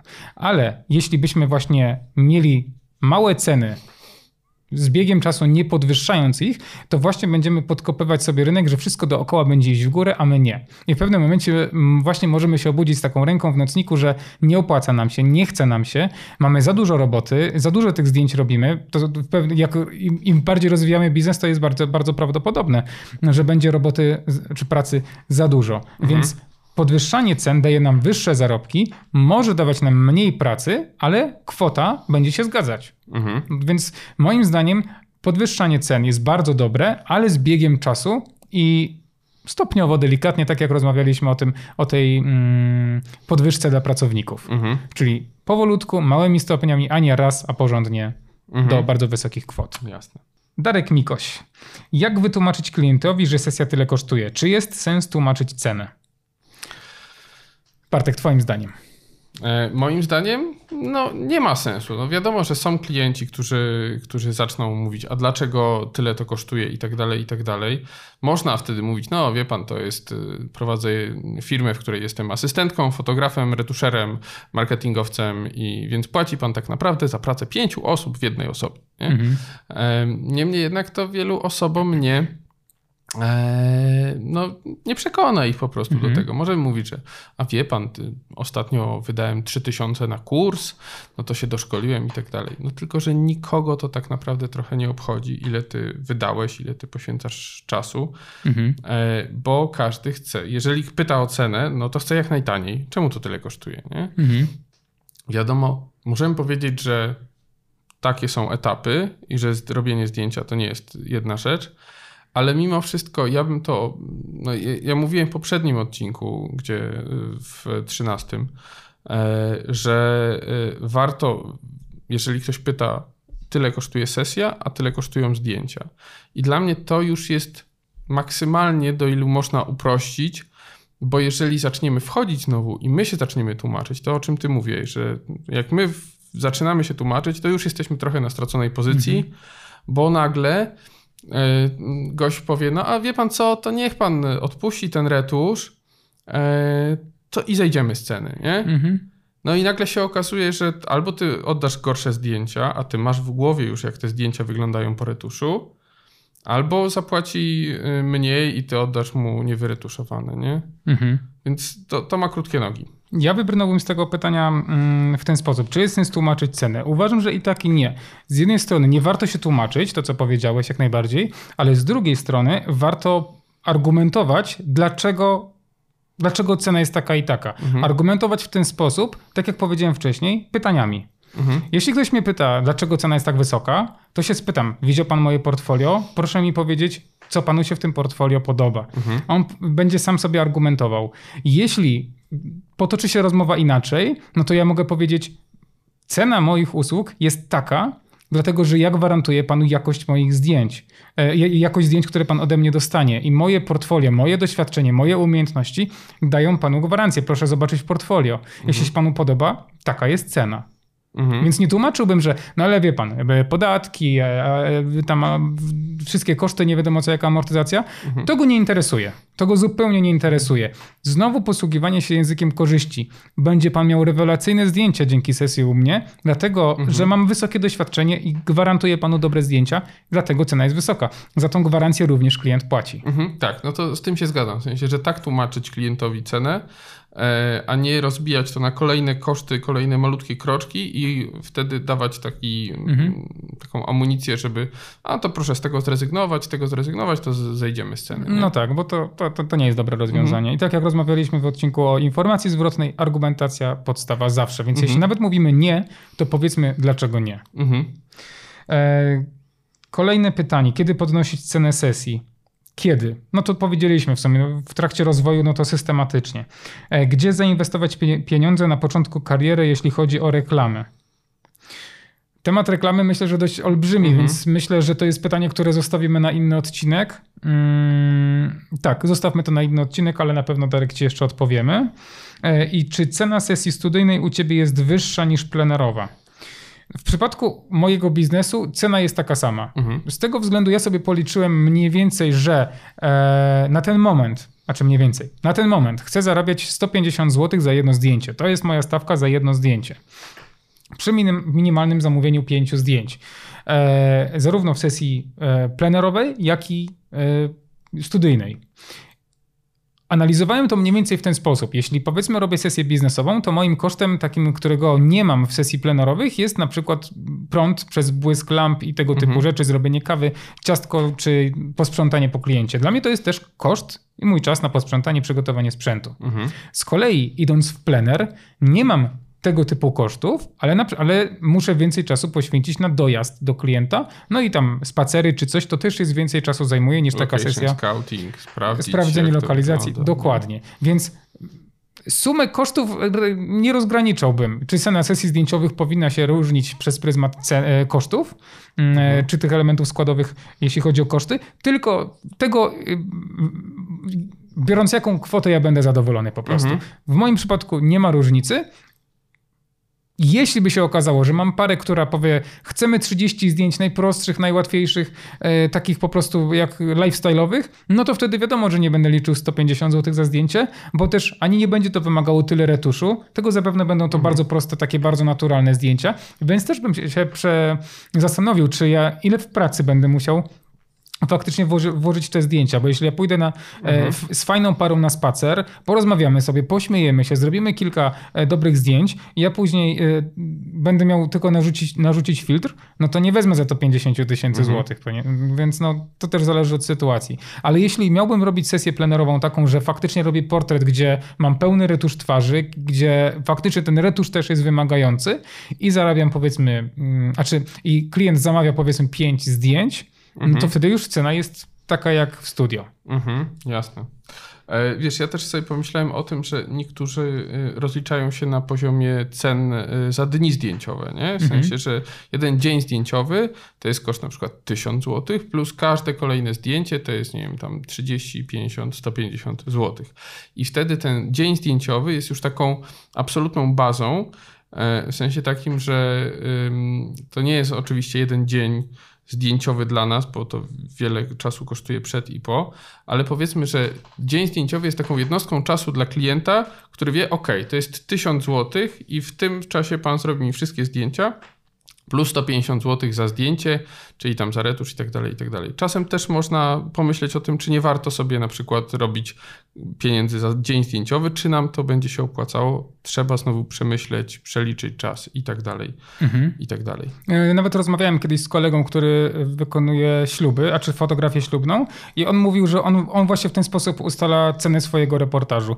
Około właśnie mówił 1000 zł kosztuje dzień jego pracy i mówi przykładowo wykonanie, e, spotkanie się z parą młodą przed sesją, czy tam dogranie tej, tej umowy, tego wszystkiego, e, reportaż, ten e, montaż e, filmu, czy jakiś retur zdjęć, to wszystko policzył sobie, wyszło mu tam, że przykładowo 4,5 tysiąca kosztuje reportaż. I to też jest fajny rodzaj wyceny pracy. E, To, co bym zaznaczył, że warto zawsze w tej umowie zawrzeć, że no tyle kosztuje reportaż, ale za konkretną ilość zdjęć. Bo jeśli wyceni, mielibyśmy zlecenie, gdzie idziemy na reportaż i mówimy, że jak, klient się pyta, jaka jest cena za, za reportaż, my, my mówimy, no jak cały dzień, no to 1000 zł. Okej, dobra, biorę. Mhm. No ale za ile zdjęć? To są takie konkrety, które też powinny być dograne. Mhm. No, dlatego właśnie tak mówię, że dzień zdjęciowy to jest czas i to off the table. Weźmy to po prostu z e, negocjacji. Tyle kosztuje, żebym przyszedł i zrobił zdjęcia, a powiedzmy, że tam, nie wiem, 30 czy 50 zł za każde kolejne zdjęcie. Nie? Mhm. W sensie za, za każde zdjęcie. Bo w dniu zdjęciowym nie zawiera się ilość zdjęć. Po prostu. Dokładnie. To jest, Albo zawiera się, to też zależy od No, umowy. Może się zawrzeć na przykład liczba, nie wiem, 100 zdjęć, Mhm. ale można sobie powyżej tego 1000 za dniówkę dokupić większą ilość zdjęć i znowu stosujemy do sprzedaży i znowu zarabiamy więcej i znowu klient jest bardziej Mhm. zadowolony. Zależy od Tak. umowy. Kolejne pytanie. Robert Gąsiorowski napisał, jak rozmawiać o usłudze i cenie, by nie przestraszyć klienta, wręcz przeciwnie, by bardzo chciał. Ja tu odpowiem, e, przywołując to, co ty wcześniej powiedziałeś. Mhm. E, żeby rozmawiać tak, żeby klient sam argumentował sobie, że on chce tą sesję Mhm. u ciebie. Nie? To jest y, super pomysł, bo wtedy no nie my przekonujemy klienta. No tak jak y, właśnie Robert tutaj e, zapytał, tylko że on jeszcze bardziej chce. I jeżeli my poprowadzimy taką rozmowę, i ja tu polecam naprawdę, bo to, to nie jest łatwe, żeby stworzyć taką rozmowę, żeby przeprowadzić, tak jak mówiłeś o tym telefonie, że masz kilka sekund, żeby Mhm. zareagować, milisekund, żeby zareagować, e, żeby się przygotować właśnie na taką rozmowę, stworzyć sobie scenariusz rozmowy z klientem i wszystkie jego potencjalne obiekcje. Mhm. I wtedy jesteśmy w stanie być przygotowanym, na pewno nie na wszystkie, ale na wiele rzeczy i mamy od razu odpowiedź. Nie? Jeżeli Mhm. ktoś zapyta o ten rabat, no to a dlaczego pan chce ten rabat? No, wielu osobom, sądzę, że 95% nie wpadłby do głowy ten pomysł, żeby zapytać klienta o to, dlaczego pan chce ten rabat. To jest bardzo fajne pytanie. Ale y, jeżeli się nie przygotujemy do takich rozmów, nie przygotujemy się do negocjacji i właśnie do takich technik sprzedaży, ale też odpowiedzi na zapotrzebowanie klienta, no to wtedy nie ma szans, żebyśmy sobie spokojnie ugrali. To tak jak się przygotowujemy do sesji, tak warto się przygotować właśnie do negocjacji, stworzyć potencjalne obiekcje, jakie może mieć klient, bo pewnie każdy ma inne. E, I dzięki temu mamy taką łatwość już prowadzenia rozmowy. Mhm. Jest, możemy potraktować właśnie rozmowę z klientem algorytmowo troszeczkę. Jeśli mamy klienta, który będzie nam, jeśli przemyślimy sobie pytania, które najczęściej klienci nam zadają, a na które mamy problem z odpowiedzią, zastanówmy się wcześniej nad odpowiedziami, później będziemy w sytuacji dużo prostszej. Kolejne pytanie od y, Darka Machury. Łopanie, to Janusze i Grażyny promocji. Co piszą na FB, że sesja kosztuje 300 zł i promocja pi- 50% wisi w nieskończoność. Przyjdź już teraz i zamów sesję za jedyne 150 zł. Myślicie, że to działa? Rabat forever? No nie, no nigdy nie działa. No, wiecie, to jest tak jak y, ja koszulę kupuję y, zawsze na promocji minus 70%. Ja wiem, że ja kupię je, nie wiem, dwa razy na wyprzedaży i ja odczuwam, że ona tyle jest warta. Mhm. W sensie, że ja wiem, że będzie, nie wiem, w czerwcu czy w lipcu promocja na koszulę danej marki i zamiast 250 ona będzie kosztowała 70 zł, no to ja kupuję wtedy nie? i Mhm. tyle i, i koniec. Więc yy, ja mam takie poczucie, że ona jest warta 60 czy 70 zł, więcej nie zapłacę. No to, to jest takie oszukiwanie klienta. Yy, Jeżeli chcemy, żeby klient podchodził do nas szczerze i ufnie, no to wieczna promocja to jest trochę śmieszne. No tak, jeśli ty będziesz e, prezentował siebie z, ta, ta, z takiej perspektywy Janusza biznesu, to też Janusza i Grażyny będziesz przyciągał, więc, więc też jakość tej całej e, współpracy nie będzie raczej wysokich e, lotów i raczej unikałbym tego, tego typu zagrywek. Przy czym jeszcze zaznaczyłbym, że ogólnie reklama taka, jeśli chodzi o usługi, takie kuszenie rabatem i w ogóle chodź, chodź, chodź, bo masz taniej, no to jest taka zagrywka nie fair, która kojarzy się też ludziom, bo ludzie nie są już głupi i kojarzy się przede wszystkim z wyzyskiem i z tym takim, takim chodź, ja cię wykorzystam, wezmę twoje pieniądze. A nie w tej cenie otrzymasz na tyle dobre zdjęcia, że będziesz w stanie poszukać nowej, lepszej pracy na wysokim stanowisku. Mhm. To nie jest znowu językiem korzyści rozmowa. Tak. E, Michał Dudziński. E, Jestem ciekaw zdania Barta na temat, moim zdaniem, wszechobecnej wizji tego, że fotograf jest bogaty. I gdyby mógł podsunąć parę taktyk psychologicznych, jak, jak rozmawiać z klientem, to, by, to bym wziął. Mhm. Myślę, że tą drugą część odpowiedzieliśmy, ale Bart, bogaty fotograf. Pozdrawiamy Peperów. E, znaczy, wydaje mi się, że to wynika z tego, że bierzemy bierzemy. No, stawki za jeden dzień zdjęciowy są wysokie, nie? Mhm. Bo wydaje się, że no co, no strykniesz kilka zdjęć i to kosztuje tam 1000 zł, albo mm, jak rozmawiałem ostatnio z osobą, która e, się przygotowuje do ślubu i robiła research fotografów ślubnych, nie? No to za jeden dzień 5000 zł, no to szaleństwo. Mhm. Ile oni zarabiają, nie? Tylko, że no właśnie nikt nie bierze pod uwagę, że to jest duża sezonowość, nikt nie bierze pod uwagę, że tych ślubów nie jest zawsze tyle, ile jest. Tego, że znowu e, pracujemy jako pięć osób w jednoosobowej działalności gospodarczej. E, stąd bierze się przekonanie, że fotograf jest bogaty. I myślę, że będzie ciężko, e, żeby stłamsić to przekonanie. Mhm. Ja, ja, się zastanawiam, czy takie pojęcie, że fotograf jest bogaty, faktycznie istnieje. Mm, ja pamiętam, jak no, dawno, dawno temu, ponad 10 lat temu, kiedy ja fotografią się nie interesowałem, spytałem się kolegę o reportaż ślubny, fotografa amatora, e, a czy amatora, taki, no nieprofesjonalny fotograf, ale dobry, mhm. Mm, ile kosztuje mm, reportaż ślubny u niego i powiedział 1500 zł. Pamiętam to, ja sobie pomyślałem, rany boskie, ile pieniędzy, strasznie mhm. drogo, przecież ja tyle w miesiąc nie zarabiam. E, I pomyślałem sobie, że wow, no to on musi mega dużo zarabiać. Ale mhm. właśnie tak jak powiedziałeś, to jest sezonowość i tych zleceń nie ma codziennie. E, i tak patrząc teraz, nawet na te czasy, które mamy teraz, może się wydawać, że fotograf ślubny biorący 5000 zł za reportaż jest bogaty, zarabia nie wiadomo jak dużo. Mhm. Może tak pomyśleć klient, ale każdy inny rodzaj fotografii nie kojarzy mi się z bogactwem. Może jakaś super komercyjna postać na rynku fotograficznym, która faktycznie robi wielkie komercyjne projekty, może się kojarzyć z bogactwem, ale jak patrząc na, na ceny fotografów, no to przecież ceny są tak niskie, że powiedziałbym, że raczej fotograf to tak od pierwszego do pierwszego. Ja to tak, tak mi się wydaje. Zależy kto jak się wycenia. No dokładnie, ale to też wiesz, my, my tutaj wchodzimy już z naszą świadomością tego, ile kosztuje praca fotografa, w głowę klientów, który, który myśli sobie, że ten fotograf wcale nie jest. E, no, praca fotografa mm -hmm. to jest luz blues i, i tak naprawdę nie trzeba, nie trzeba wiele. Kolejne pytanie od Adriany z Brzeskiej.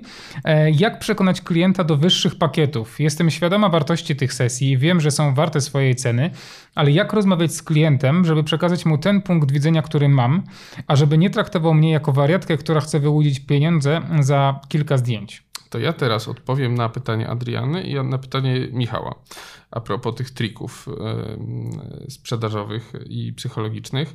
E, jesteśmy w stanie się zakotwiczyć na danych cenach. Czyli powiedzmy, że e, kiedyś spytano e, studentów, jaki mają końcowe dwie cyfry swojego ubezpieczenia chyba. I zależnie od tego, niektórzy mieli 99, a niektórzy mieli 00.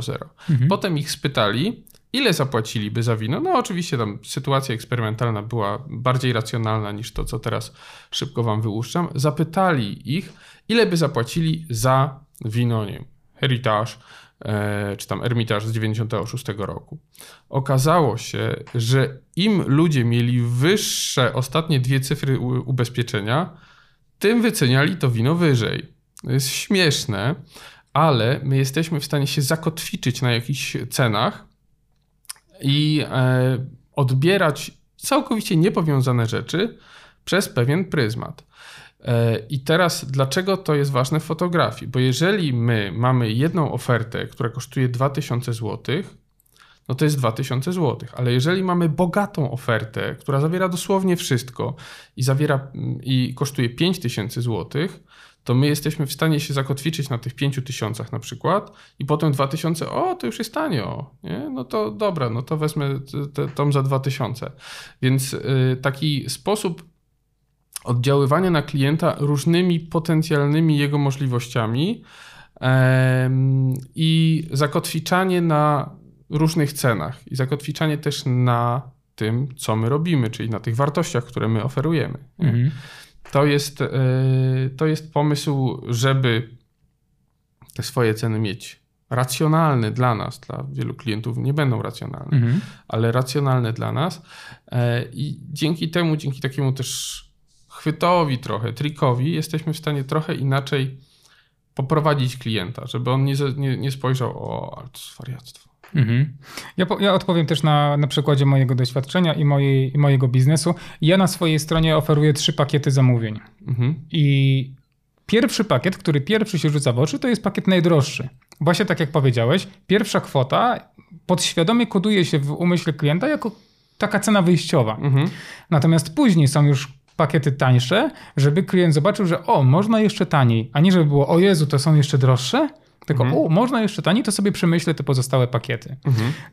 Odpowiadając na to pytanie Ady, ja bym y, zaznaczył, że każdy pakiet skonstruowany jest w ten sposób, że niezależnie jaki klient wybierze, ja i tak będę zadowolony. Mhm. Bo tak skonstruowałem te pakiety, żeby klient był zadowolony i ja też. Więc jeśli klient weźmie pakiet najtańszy, to mhm. ja go nie przekonuję, żeby wziął, żeby wziął większy, no bo on już może się czuć w pewien sposób manipulowany. Jeśli on bierze najtańszy, okej, okay, mi, się, mi się to podoba, jemu też ma do tego prawo. Jeśli ja bym dał jeden pakiet, powiedział, że yy, powiedzmy 10 zdjęć kosztuje tyle i tyle i nie ma innej opcji, no to klient nie miałby wyboru. Jeśli ja bym mu powiedział, ale może pan dokupić powiedzmy 5 zdjęć więcej, a zamiast liczyć panu tam ileś tam, mogę panu dać mniej.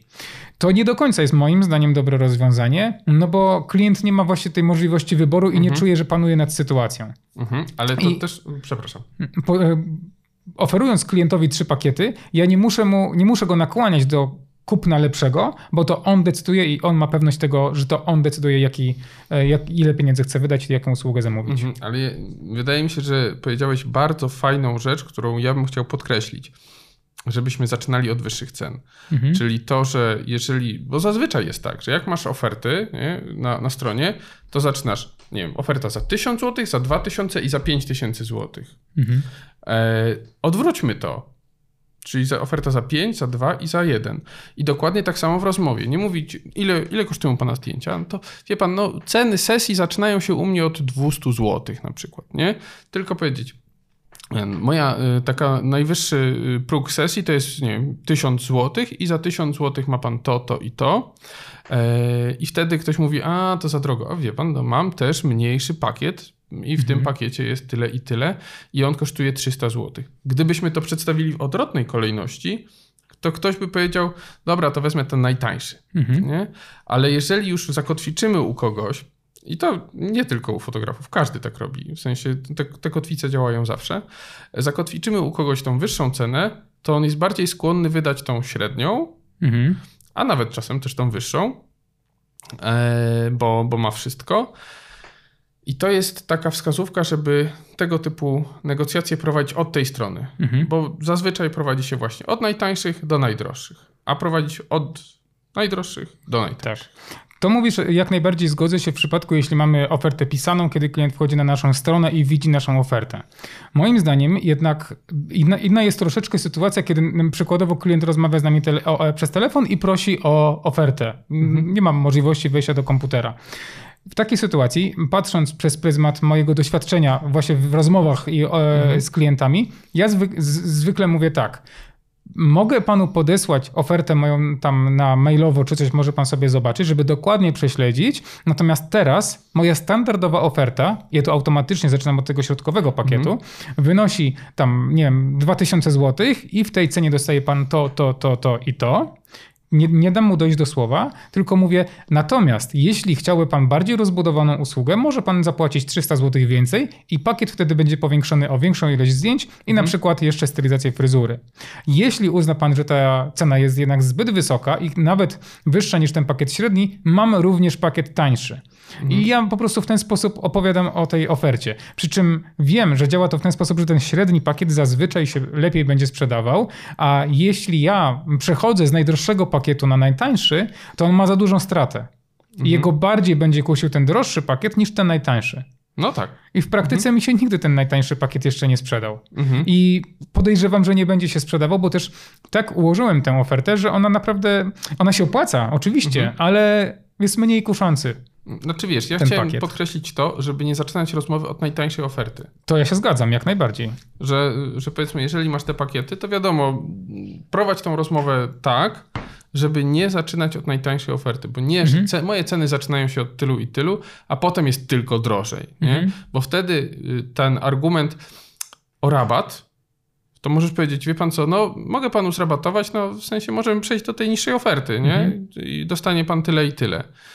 E, I wtedy już automatycznie odpowiadamy na, na pytanie, nie rabatując najtańszą ofertę, tylko pokazując, że mamy ofertę tańszą i może dla pana będzie korzystna. No właśnie, bo posługiwanie się słowem rabat automatycznie źle się kojarzy Mhm. i może nas jeszcze bardziej podbić. E, Okej, kolejne pytanie. Mm, Rafał Piech. Skoro finanse, to może napomknijcie o najbardziej opłacalnym rodzaju działalności. Chociaż może to osobny temat o prowadzeniu firmy foto. Nie ma czegoś takiego moim zdaniem, że jest najbardziej opłacalny rodzaj fotografii, bo na każdej fotografii można zarobić mało i na każdej fotografii można zarobić dużo. Myślę, że to jest takie pytanie, na które nie ma jednoznacznej odpowiedzi. Tak, tak, tak. Marcin Muszyński. E, Stawki to jedno, a znaleźć na nie klienta to drugie. Jak to wypośrodkować? Ostatnio była mowa o cenie samej sesji, czyli naszej pracy bez zdjęć. To dobry kierunek, ale u nas niezrozumiałe dla większości klientów.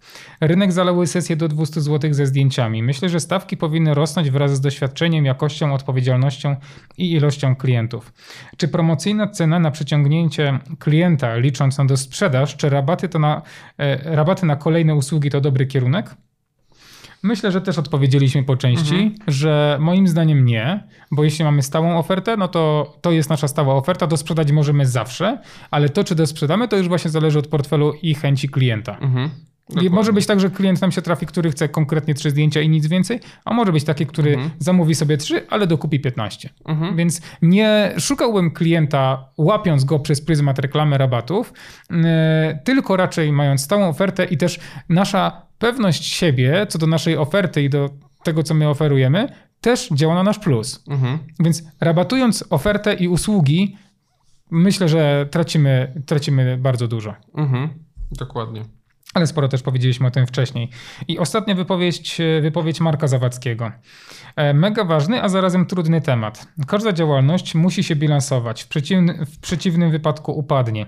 Prowadząc sklep, staram się konkurować asortymentem i jakością obsługi. W miarę możliwości dbam o wizualizację punktu. Ludzie lubią przebywać w ładnych wnętrzach. W mojej ocenie również bardzo ważne jest podejście do klienta, a walka cenowa to najgorszy z możliwych scenariuszy i prowadzi do pustej kasy. Mam świadomość, że to inny rodzaj działalności, ale koniec końców inwestujemy w sprzęt, wiedzę i czas zarówno na naukę, jak i budowę portfolio. To proces, który trwa latami.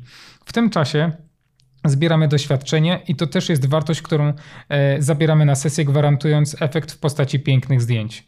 Raczkuję w temacie biznesu foto, ale wychodzę z założenia, że wolę zrobić dobre TFP i budować portfolio. Jest granica opłacalności, cena, przy której będziemy dobrze się czuli podpisując umowę. Jaka to będzie stawka? Sądzę, że każdy sam musi sobie odpowiedzieć na to pytanie. W minimalnym stopniu należy uwzględnić amortyzację sprzętu, koszty, stawkę godzinową, pamiętając o czasie na ustalenia, realizację i obróbkę. Czy moje podejście ma sens, okaże się z czasem, ale nie podejmę się zlecenia poniżej kosztów tylko dlatego, że Kazio czy Zuzia za tyle pracuje. Czy ja myślę, że Marek tu nie zadał pytania, tylko podsumował to. Podsumował nasz odcinek, to miałem powiedzieć.